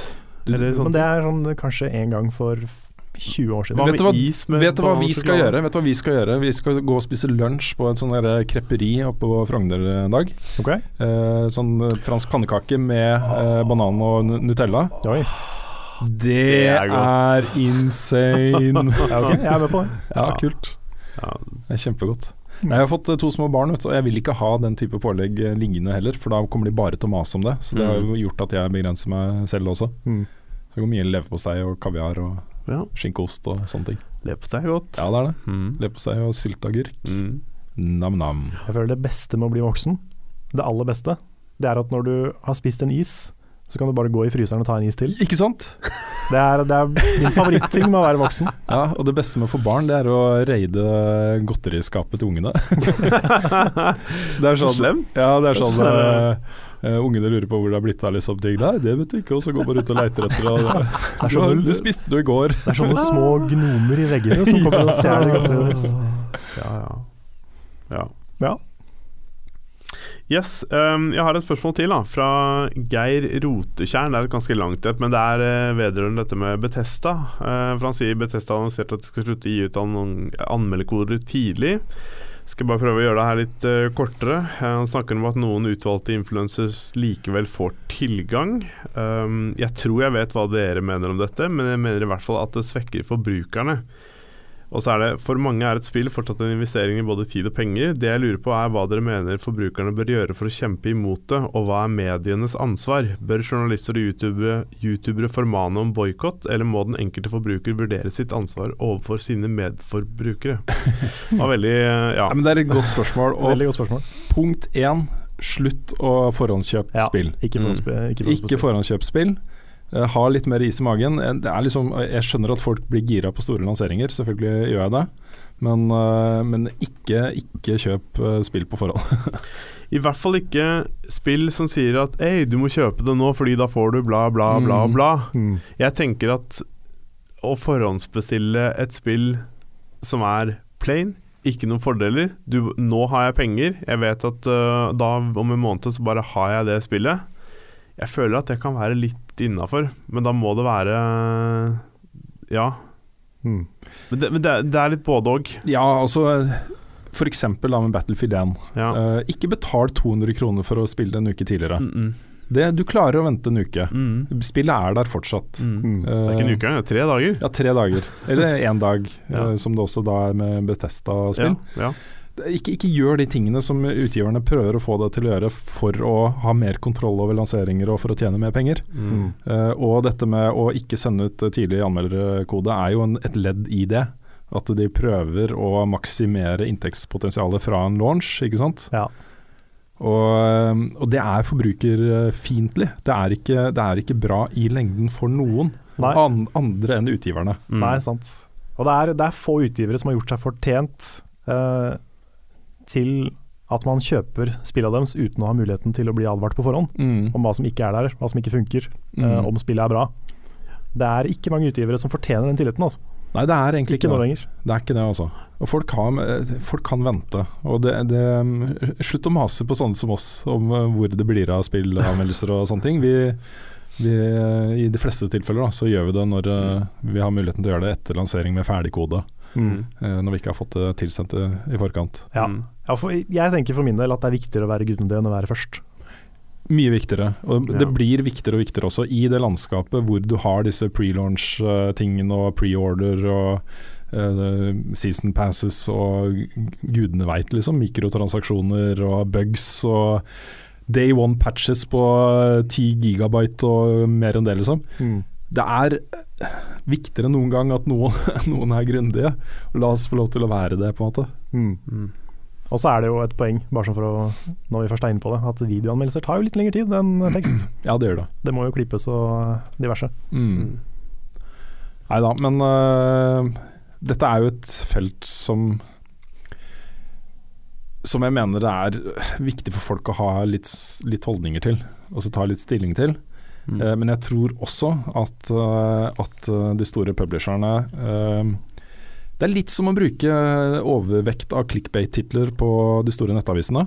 Det Mm. funker kanskje der og da, liksom, men på sikt så eh, skader du forholdet eh, mellom deg og kunden din, eh, og vil tape på det. Og jeg tror øh, dette er en, en super mulighet for andre mindre utviklere og utgivere til å komme inn og være reale mot både anmeldere og øh, publikummet sitt, øh, og ha en mer fair holdning til disse tingene. Mm. Så øh, etter hvert så vil man kanskje se at folk øh, går litt lei av dette kjøret, liksom, og så velger de kanskje andre Mm. andre utgivelser og øh, utgivelser som ikke gjør disse tingene. Mm. Mm. Få håpe det. Spørsmål fra Sigve Ruud Dankel. Hva tenker dere om tiden man putter inn i et e-sportspill for å bli god? Det er jo mye tid. Det er, det. det er jo som eh, sport ellers, man må, bruke, man må trene hardt og intensivt for å bli så god. Men de aller, i de aller fleste tilfellene så er jo e-sportutøverne spillere som bare har hatt det innmari gøy med spillet over lang tid, og eh, investert tid i det fordi de har hatt lyst. Og så har de kommet på et nivå som gjør at de tenker shit, nå møtte jeg akkurat han som er kjent for å være en av de beste i Norge. Og eh, jeg slo han liksom, eller jeg, jeg kunne ha slått han hvis jeg bare hadde vært litt bedre. Man Mm. kommer til det punktet, og så begynner man å tenke liksom ok. Mm. Så, så det er jo på en måte de fleste Mm. Der er jo Smash et veldig godt eksempel. Ja. For jeg er sikker på de aller fleste av de som er proffe nå, de spilte jo Smash som et partyspill da de var små, sikkert. Mm. Eller da de var yngre. Og så har de bare fulgt den serien fram til nå, og så har de blitt grisegode det året. ja. Og så har de jo eh, fått skolelinjer og sånne ting, da. Så, så jeg tror nok at e-sport i større grad blir noe man kan gå etter fra scratch, liksom. Du eh, kanskje ikke engang har spilt Counter-Strike før. Tenker at du har lyst til å bli CS-proff, for du ser på CS-GO-kamper på internett og sånne ting. Mm. Så, men, da, men det krever jo masse, masse, masse tid, da. Det er jo Ja, jeg tenker i hvert fall uansett hva du har lyst til å bli god på, putter du mye tid i det, så blir du god på det. Mm. Enkelt og greit. Ja. Så ja. Jeg har et uh, spørsmål her fra uh, Thomas Arin... Skal vi se Arine Salingam. Det var et uh, langt etternavn. Og så har jeg de andre brillene på meg. Uh, hvilket spill har fått dere til å le mest? Interaksjoner med andre spillere telles ikke. Hmm. Tidenes morsomste spill, Carl. Oi. Oi, det er nok en eh, Det er nok uh, ja, kanskje likt mellom Mother 3 og Conquers Bad Fur Day. Nå skal det sies at jeg var 14 da jeg spilte Conquers Bad Fur Day, så jeg lo kanskje veldig mye pga. det også. Men, um, Mm. men ja. Det er jo en del morsomme spill, men eh, jeg må tenke litt på det. Men jeg tror i hvert fall de to. Ja. Jeg har ikke noe svar. Ja, jeg har uh, Monkey Island 2. Mm. Uh, av liksom alle de adventure-spillene på 90-tallet som jeg digga, så var det Ja. det jeg syntes var morsomst. Det er sant, da. uh, og The Stanley Parable. Ja, Mm. det er sant. Der lo jeg mye, altså. Og South Park The Stick of Truth. Ja. det, det også Her kommer de er, allikevel. Ja, det, det, det er mye, mye humor. Ja. Det er veldig befriende å se liksom humor i spill. Mm. Eh, også disse um, uh, Rabbids-spillene til Ubisoft syns jeg har vært veldig morsomme. I hvert fall Ja, noen av de er veldig noe av det har vært Mm. veldig morsomt. Mm. Ja. Og så syns jeg uh, Manuel Samuel, det norske spillet som er ute nå, er hysterisk festlig. Mm. Kjempegøy. Portal-spillet også. Ja, mye bra humor. Veldig mye humor i de. Spesielt Portal 2 syns jeg er veldig morsomt. Mm. Mm. Ja. Um, jeg har et spørsmål du kan svare veldig kort på. James Remo Walker spør Jeg har aldri spilt Siv før. Er Siv 6 et bra sted å begynne? Svaret er ja. Det er vel det eneste riktige stedet å begynne, er det ikke det? Jo, altså det er Er det noe vits å gå tilbake til Civ 5 og spille det nå? Siv, 5, eh, Siv 4 er vel kanskje det som har vært best, men eh, jeg vil ikke si at eh, det er noe poeng, nei. Nei. Nei, jeg tenker sånn Hvert nye Siv-spill som har vært bedre enn det forrige, har på en måte erstatta det forrige, Mm. føler jeg. Mm. Sånn som Jeg elsker jo Siv 2, men jeg går ikke tilbake og spiller det nå, Nei. Nei, ikke egentlig. sant. Så Nei. Nei, jeg, jeg ville nok hoppa inn i det nyeste, altså. Kjør på. Du går ikke glipp av så mye Mm. annet enn historie. Spørsmål fra Mats Østreng Veland på Patron. det er til deg, Carl. -hmm. uh, han skriver hvordan var det å studere spilldesign på Westerdals, men det het vel NITH da du Ja, studerte her, så har det slått stemmer. sammen nå i ettertid. Stemmer, stemmer. Uh, jeg har hørt at det er begrenset med jobbmuligheter nå til dags som spilldesigner, men kan være det ikke stemmer. I så fall, uh, hvor mange av dem du studerte med fikk jobb etter utdanning, og hvis du kunne velge om igjen, hadde du studert det samme, eller hadde det kanskje vært noe annet? Oi. Um, må jo være ærlig på det. Uh, jeg var jo superheldig som fikk jobb i VG. Det Jeg tror Jeg kan si ganske sikkert at jeg var den heldigste i klassen. Fordi de aller fleste ble IT-support. Så det er vanskelig å få jobb, spesielt eh, når du går spilldesign. Hvis du går programmering, så er det mye lettere. Men da må du være god i programmering, og det er et helt annet felt. Det er noe som jeg ikke takler, i hvert fall. Ellers så må du slå deg sammen med en som er god til å programmere, og gå indie. Ja, Mm. Det, det kan du også gjøre. Ja. Du kan starte for deg sjøl, det er en, eh, en mulighet. Men eh, litt av problemet er det at spilldesign handler veldig mye om det kreative. Og det er veldig få spillstudier som trenger en sånn idea guy. Mm. Uh, det er det som er drømmejobben, som var drømmejobben for meg. Det som jeg så for meg da jeg, da jeg gikk på skolen. At jeg vil være han som liksom gjør de kreative tinga. Skriver designdokumenter og lager tegninger, lager konseptskisser. Uh, skriver historien. Alle de tinga der. Og det, det fins jo jobbmuligheter innenfor noe av det, men det er vanskelig å få. Ja, du bør vel helst ha en track record uh, først. Ja, Men så er det også sånn at um, eh, du har jo alle muligheter nå, hvis du, er, hvis du har talent til å lage noe som, uh, om ikke annet, kan havne på CV-en din når du skal søke jobb. Da. Og Du ser jo Tom Ivar Arntzen, som også gikk NITH, uh, lanserte jo nettopp Klang på Steam og osv. Som er et utrolig tøft konsept. Det har gjort han uh, bemerka i spillenes verden. Folk vet hvem han er, eh, Mm. folk digger konseptet og spillet. Um, og det er jo på en måte litt Det er bare fordi han har vært standhaftig på det. Og sittet liksom i time etter time, dag etter dag og jobba med dette her. Ja, er klart Hvis du er uh, blant de mest dedikerte, for det er mange, på, det er mange som går spilldesign som ikke er så dedikerte. Det er uh, lett å velge det som en sånn Jeg vet ikke helt hva jeg skal ta bachelor i, så vi kjører spilldesign. Hvis du er skikkelig dedikert og har satt deg litt inn i hva som skal til for å bli en spilldesigner, og jobber med det utenom skolen også, så, så er det jo ikke umulig i det hele tatt å, å slå an. Det handler bare om å være på. Mm. Det er vanskelig å komme inn, men det er ikke umulig å komme inn i den bransjen. Nei, og så er det en, en tøff bransje å være i. Uh, særlig sånn entry level. Så hvis du skal jobbe i et større studio, så blir du gjerne satt til å gjøre kjedelige ting, liksom. Ja, det er mye sånn internjobbing, mye gratisjobbing, Ikke sant? sånne ting. Men det er jo samtidig et av verdens mest spennende eh, steder å jobbe. Det er det. Altså Det som lages nå av spill er jo utrolig kult. Og hvis du er superinteressert i det og føler du har noe å bidra med, så vil jeg jo anbefale folk å følge drømmene sine. Det er jo eh, litt kjedelig å bare være realist eller nei, jeg får vel bli regnskapsfører da, eller eh, Ja, ja. advokat eller lege. Ja. Men eh, det viktigste, tror jeg, det er å lære noe teknisk. Du trenger ikke være programmering, du kan, være, du kan bli en kjempegod level designer f.eks. Mm. Bare bli god i Unity, eller bli god i GameMaker til og med. Toby Fox lagde Undertale i GameMaker. Ja. Um, bare lær deg noe teknisk, for du, du vil bli lært veldig mye av det kreative. Mm. Det å skrive dokumenter, uh, lage konseptting. Og du kommer ikke så langt med bare det. Så hvis du lærer deg noe på sida, om det er uh, kanskje manus Jeg vet ikke hvor lett det er å bli manusforfatter innen spill. Ikke så veldig lett. Nei. Men eh, For det var den tingen jeg fokuserte mest på på sida, så jeg, jeg har ikke blitt spilldesigner.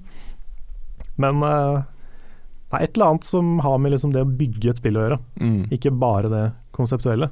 Da, da har du større sjanser. Og så kan du eh, komme et stykke på vei uten å eh, hoppe i det med begge beina og, og gå på skole, liksom. Dedikere to eller tre eller fire år til studier. Eh, det arrangeres game jams over hele Norge eh, flere ganger i året. Hvis du er eh, interessert i å lage spill, så bare sett deg litt inn i det her på egen hånd. Eh, lær deg litt kode, kanskje allier deg med noen som kan de tingene du ikke kan. Bli med på game jams. Det er veldig lav terskel for å være med på noe sånt.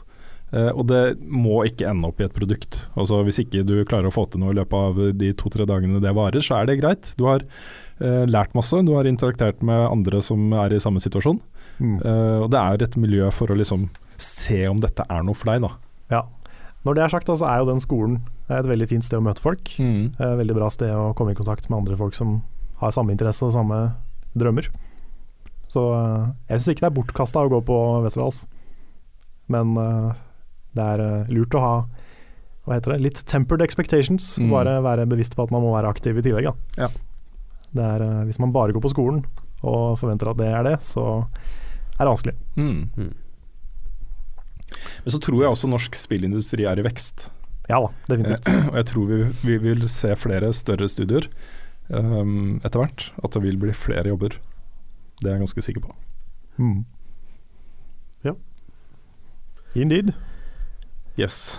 Jeg fant et spørsmål her fra Bjørn Korneliussen. Kommer det mange slash noen spill til VR som man kun trenger kontroll til? Jeg kan ikke bruke to move-controller pga. funksjonsnedsettelse på høyre hånd. Og de fleste av de spillene på PlayStation VR kan du bruke kontroll på. Mm. Du mister litt av funksjonaliteten i noen av de, men det er fullt mulig å gjøre det. F.eks. det som vi spilte på stream, det der The Heist. Der får du ikke lada eh, pistolen på samme måte, Nettopp. men du kan fortsatt skyte og sikte og sånne ting. Hmm. Så det blir eh, Som regel så blir det litt færre funksjoner, men likevel stort sett samme spillet. Mm. Så de aller fleste kan du bruke en vanlig kontroll på. I hvert fall på PlayStation. Jeg er ikke sikker på hvordan det er på Vive og sånne ting. Nettopp. Det er vel mye som krever de to. Ja, jeg kjenner ikke de tingene godt nok. Nei. Jeg ville kanskje sett uh, gått mest inn i uh, PlayStation VR eller Oculus for det. Nettopp. Så avslutter vi med et eh, spørsmål fra Anders eh, Hole på Patron. Han skriver Jeg er veldig glad i spill som Heavy Rain og Until Dawn, til tross for noen litt halvkleine scener i førstnevnte spill. Mener dere at denne typen spill eh, fremdeles er attraktivt for spillselskaper, eller er det en slags døende sjanger? Enda et veldig bra spørsmål. ja, kjempebra. Um, jeg også er veldig glad i de spillene. Spill som prøver å være litt sånn interaktive filmer, nesten. Mm. Um, det lages jo fortsatt. Until Dawn kom jo i fjor. Um, Nå fikk jo ikke The Order 1886 sånn superbra omtale, men eh, det var jo ting der som var kult. Så eh, jeg håper jo altså, Sannsynligvis blir det vel ikke noe oppfølger til det, kanskje, men det, det hadde jo vært kult hvis de hadde gitt det en ny sjanse.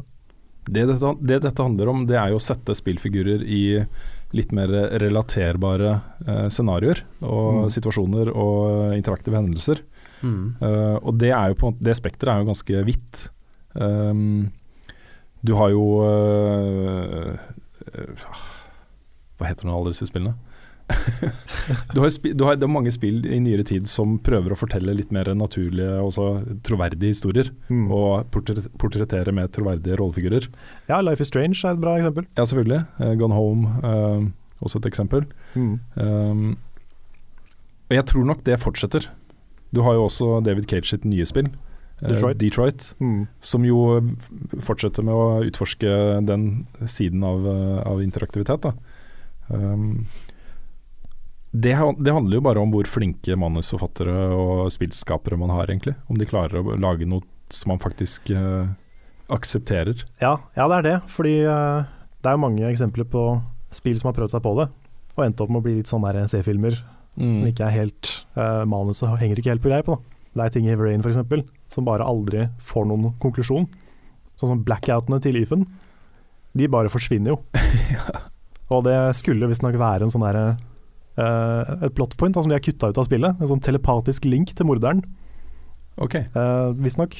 Men det har bare blitt kutta, så det har ikke noen forklaring i spillet. Nei, fordi eh, de var jo der for å gi deg følelsen av at uh, kanskje det er han. Ja, ja det var bare en red herring, på en måte. Ja. Men det fikk jo liksom ikke noen, uh, noe svar, da. Eh, og det er sånne problemer som mange av de spillene har. Så det handler mye om å bare få manus opp på et nivå som er innafor. Mm. Det er jo en av de tingene som jeg er mest interessert i å se også, fra spill. Uh, en videre utforsking av, uh, av dette her. Mm. Jeg syns jo det er kjempeinteressant. Ja. Jeg håper ikke det er en døende sjanger, Fordi jeg føler ikke vi har sett det beste fra den nå. Nei, men det jeg tror du også vil se, er jo at elementer fra dette her sniker seg inn i andre typer uh, spill. Altså eh, spill som egentlig handler om noe annet enn karakterutvikling og sånne ting. Men hvor man har det også, i tillegg til andre ting.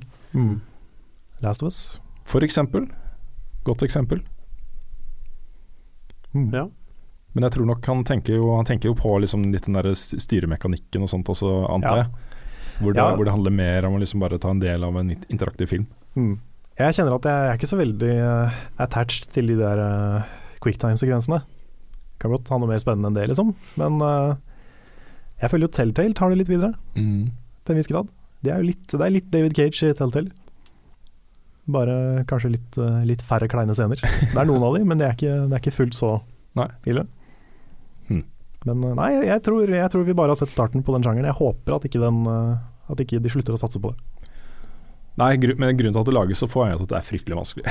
Ja ja, i hvert fall- hvert fall hvis du skal ha sånn bortimot fotorealistisk Ikke sant? stil. Åh, det blir, blir fort uh, kleint, altså. Det gjør det. Men jeg synes jo det er det jeg syns er bra med Telltale. Da. Mm. Fordi de gjør det på en litt mer eh, animert, eh, litt mer eh, stilistisk plan. Da. Mm. Men det er jo, jeg tenkte jo den tanken da jeg så Ex Machina, som jo du inspirerte meg til å faktisk se. Jeg hadde den Mm. hjemme, men jeg hadde ikke fått sett den ennå. Det hadde gjort seg bra som et eh, spill også, for det er en, eh, et lukka uh, område. Ja. Uh, veldig sånn intenst uh, drama. Med liksom deler av interaktivitet som man kunne ha liksom gjort spillbart. Mm. Så det, Er historien god nok, så kan man gjøre det, altså. Mm. Ja, den hadde vært bra som et spill, tror Ja, jeg. det Altså, tror når du er sier det nå. Det jeg tenker litt over det, så ja. Der er det jo veldig mye dialog og samtale som i karakterutvikling i AI-en og sånn. Ja, ja, og fyren som kommer dit, han må jo ta en del valg, Ja, ja, ja. som kanskje du kan legge i spillernes Ja, det er sant. mm. Det- Spill i det her. Ja, sender vi en mail til Alex Garland og spør om han eh, er hypp på å Ja, få til noe, Ja. sammen med Buffkitten AS. Ja. Hello, we are games journalists from Norway. Would you like to We had a brilliant idea. Yes, you've never heard this before probably. Nei. ja. Ja, men det har kommet mye bra spørsmål eh, denne uka her, altså. Det har det. Veldig mye bra. Mer enn vi Ja. rakk å svare på. Ja, absolutt. Vi skal videre et møte nå, så, så vi må avrunde. Det, det må vi. Mm. Vi Ja. kan jo nevne at eh, det har kommet en ny, eh, en ny Patreon-post, eller en ny, et nytt mål på Patreon. hvor vi skal kjøre, fordi vi alltid får flere spørsmål enn vi rekker å svare på, så kjører vi en månedlig Q&A-stream. Da forhåpentligvis med alle sammen. Altså med Frida, med Nick, med Svendsen og med oss tre, i hvert fall. Mm. Håper vi. Vi finner en dag som alle kan. Uh, hvor vi kjører liksom spørsmål og svar, kanskje lengre diskusjoner om hvert enkelt spørsmål. Mhm. Um, på, på stream, da. På en sånn egen privat stream for uh, 25 dollar opp, var det ikke det vi satte opp? Det var det vi satte opp. Mm. Så eh, et lite eksperiment som vi kjører nå. Mm. Se om det blir noe av. Det vil si det blir noe av, men se om det blir noe, blir noe bra, da. Ja da, altså det skjer en del ting med oss nå i høst. Uh, som uh, Vi går liksom inn i fase to nå av uh, Buffkitten-eventyret. Hvor eh, vi reviderer Patron-greiene. Et eh, nytt eh, mål blir å få, eh, få deg mer aktiv eh, i selskapet, Lars. Mm. Ehm, og også at eh, de andre bidragsyterne får eh, bedre betalt for det de gjør. Mm. Fordi eh, de lager jo fantastisk bra innhold. Ja. Kjempeinnhold. Det gjør det. En ting jeg har tenkt på i forhold til den videoen som sikkert er ute på kanalen nå, eh, antageligvis i dag, for dere som hører på. Eh, vi snakka ikke så veldig mye om hva om fordelene ved å få Lars mer inn, for du er jo veldig aktiv allerede. Men noen av fordelene med å få deg fast er at du bor nærmere. Mm. Det er lettere å samles for streams f.eks. Det er lettere å fordele oppgaver, sånn at vi får laga mer content alle sammen. Mm. Og så blir det, blir det mer naturlig for oss å lage et faktisk kontor hvor vi sitter og jobber sammen, mm. Mm. eh, når man er tre. Ja, Fordi du og jeg er på litt forskjellig døgnrytme, Karl. Vi er det. Uh, vi ligger litt nærmere hverandre, Lars, på din Ja. døgnrytme. Ja, vi gjør det faktisk. Jeg er Eh. ikke helt klokka seks ennå, men uh, Nei. Nei. Men jeg føler du er sånn mellomting, jeg. Ja. Fordi det er ofte du også er oppe seint på kvelden. ja da, jeg er det. Men uh, det som er greia mi nå, er at jeg eh, har kommet til en rytme hvor jeg våkner mellom åtte og ni. Og da er jeg i gang. Det er ganske perfect. Ja, det er Skulle ganske ønske jeg kunne velge, våkne mellom åtte og ni. Ja, og, det, og selv om jeg er oppe til liksom klokka to, så våkner jeg fortsatt klokka åtte. Ja da. Så, For det er da vekkerklokka står på, og det har jeg bestemt meg for at det, det, det, er, det er målet mitt. Jeg skal være våken fra i hvert fall fra ni. Mm. Så ja. Jeg hadde klart det jeg òg, hvis jeg hadde et kontor å gå til. Så Ja. da, mm. Ja, men Det hadde betydd mye for oss, tror jeg. Eh, det at man er tre stykker som Ja. med dette her på mer eller mindre heltid. Mm. det hadde betydd veldig mye. Vi hadde fått gjort mye mer ut av det. Da Ja. skal jeg sitte der eh, klar med morgenkaffen til deg, Ja, så skal så du liksom bare Hei! Hvis vi har sånn eget skap med sånn eh, iskaffe, ja. så går det bra. Mm. ja, du vil ha kald kaffe? Kald kaffe. Så det er den ene siden av det. Vi skal, eh, vi skal eh, strømlinjeforme litt den, der, eh, den biten. Ja. Uh, men så har vi også to andre konkrete løp som går på å tjene penger utenfor Patron, Mm. som jo har ligget der hele tiden. Vi eh, har jo tenkt at vi skal kunne tjene penger på andre ting enn eh, dere, dere, dere som hører på podkasten og ser på videoene våre. Mm. Eh, og det også kan lande nå i høst. Mm.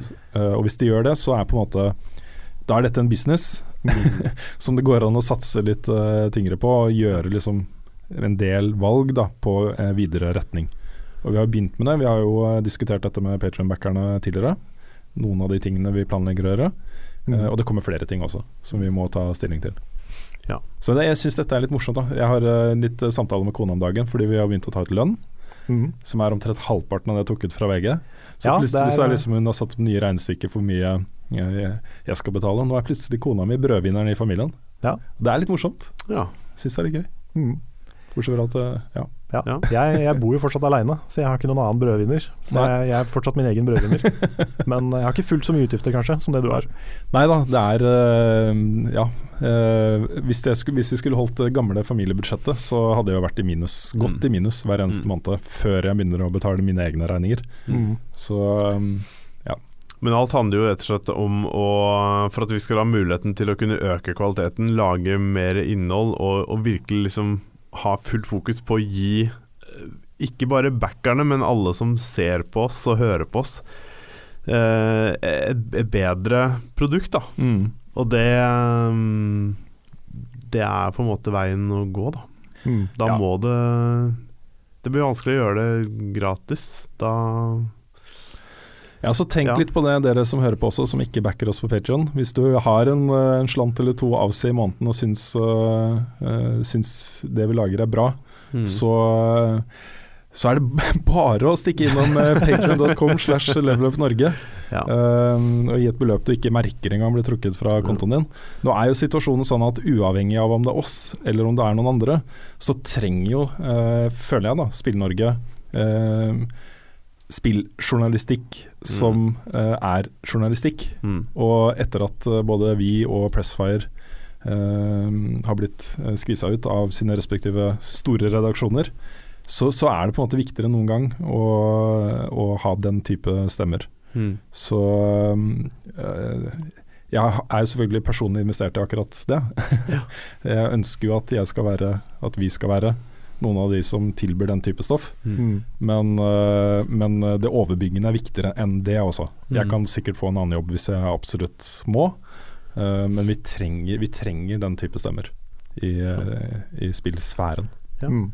Så føler jeg vi leverer et ganske unikt produkt også, så det er jo Vi er rett og slett dritbra. Vi, er, vi er det beste. Vi er det beste i verden på, på alt. Ja. alt vi gjør. Det var ikke nødvendigvis det jeg sa, men, eh, men eh, Det er for poenget For all del. Regnestykket er er jo Jeg syns dette er ganske interessant sånn eh, større, i større sammenheng også, mediemessig.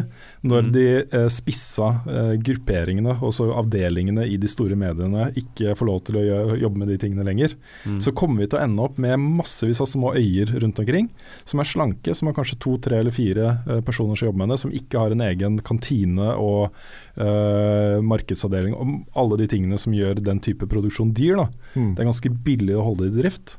Og da er det ikke så mange mennesker som skal til. Vi merker det så godt. Hvis bare 100 mennesker kommer til med 20 dollar i måneden, så merker vi det, liksom. Mm. Det, det er eh, Ja. Ja, det har kjempemye å si. Så eh, Men jeg, kan, jeg har lyst til å legge til samtidig at hvis det er mange studenter der ute og folk som ikke har penger, eh, og hvis du, liksom, hvis du ikke har penger, men hvis du har lyst til å støtte oss og hjelpe oss, så kommer vi også langt med uh, shout-out og litt sånne ting. Hvis du eh, er med på å dele ting vi lager, hvis du har lyst til å bidra, så Mm. hjelper det også veldig mye. absolutt. Så eh, det går an også å gjøre det uten, eh, uten å betale. Mm. Spre ordet. Det Ja, hjelper, det. Det, det hjelper mye i Mm. våre sosiale medietider. Så det også betyr mye for oss. Ja. Det gjør det. Ja, skal vi runde av for i dag? Patreon.com slash levelup. Slash Norge. level up. Patroncast. Gi oss penger. Yes. Ja, nei, men eh, da gjenstår det bare å takke selvfølgelig alle som har hørt på, og eh, nok en gang alle som er med og backer oss på Patron. Det er vi fantastisk utrolig glade for. Det er det som gjør at vi sitter her, og vi, vi koser oss på jobb, rett og slett. Ja. Så da runder vi av for denne gang. Har du lyst til å si noen eh, siste ord før, eh, før jeg avslutter? Promp. Promp. Takk for oss. Look at you, sailing through the air majestically like an eagle, Piloting a Blimp.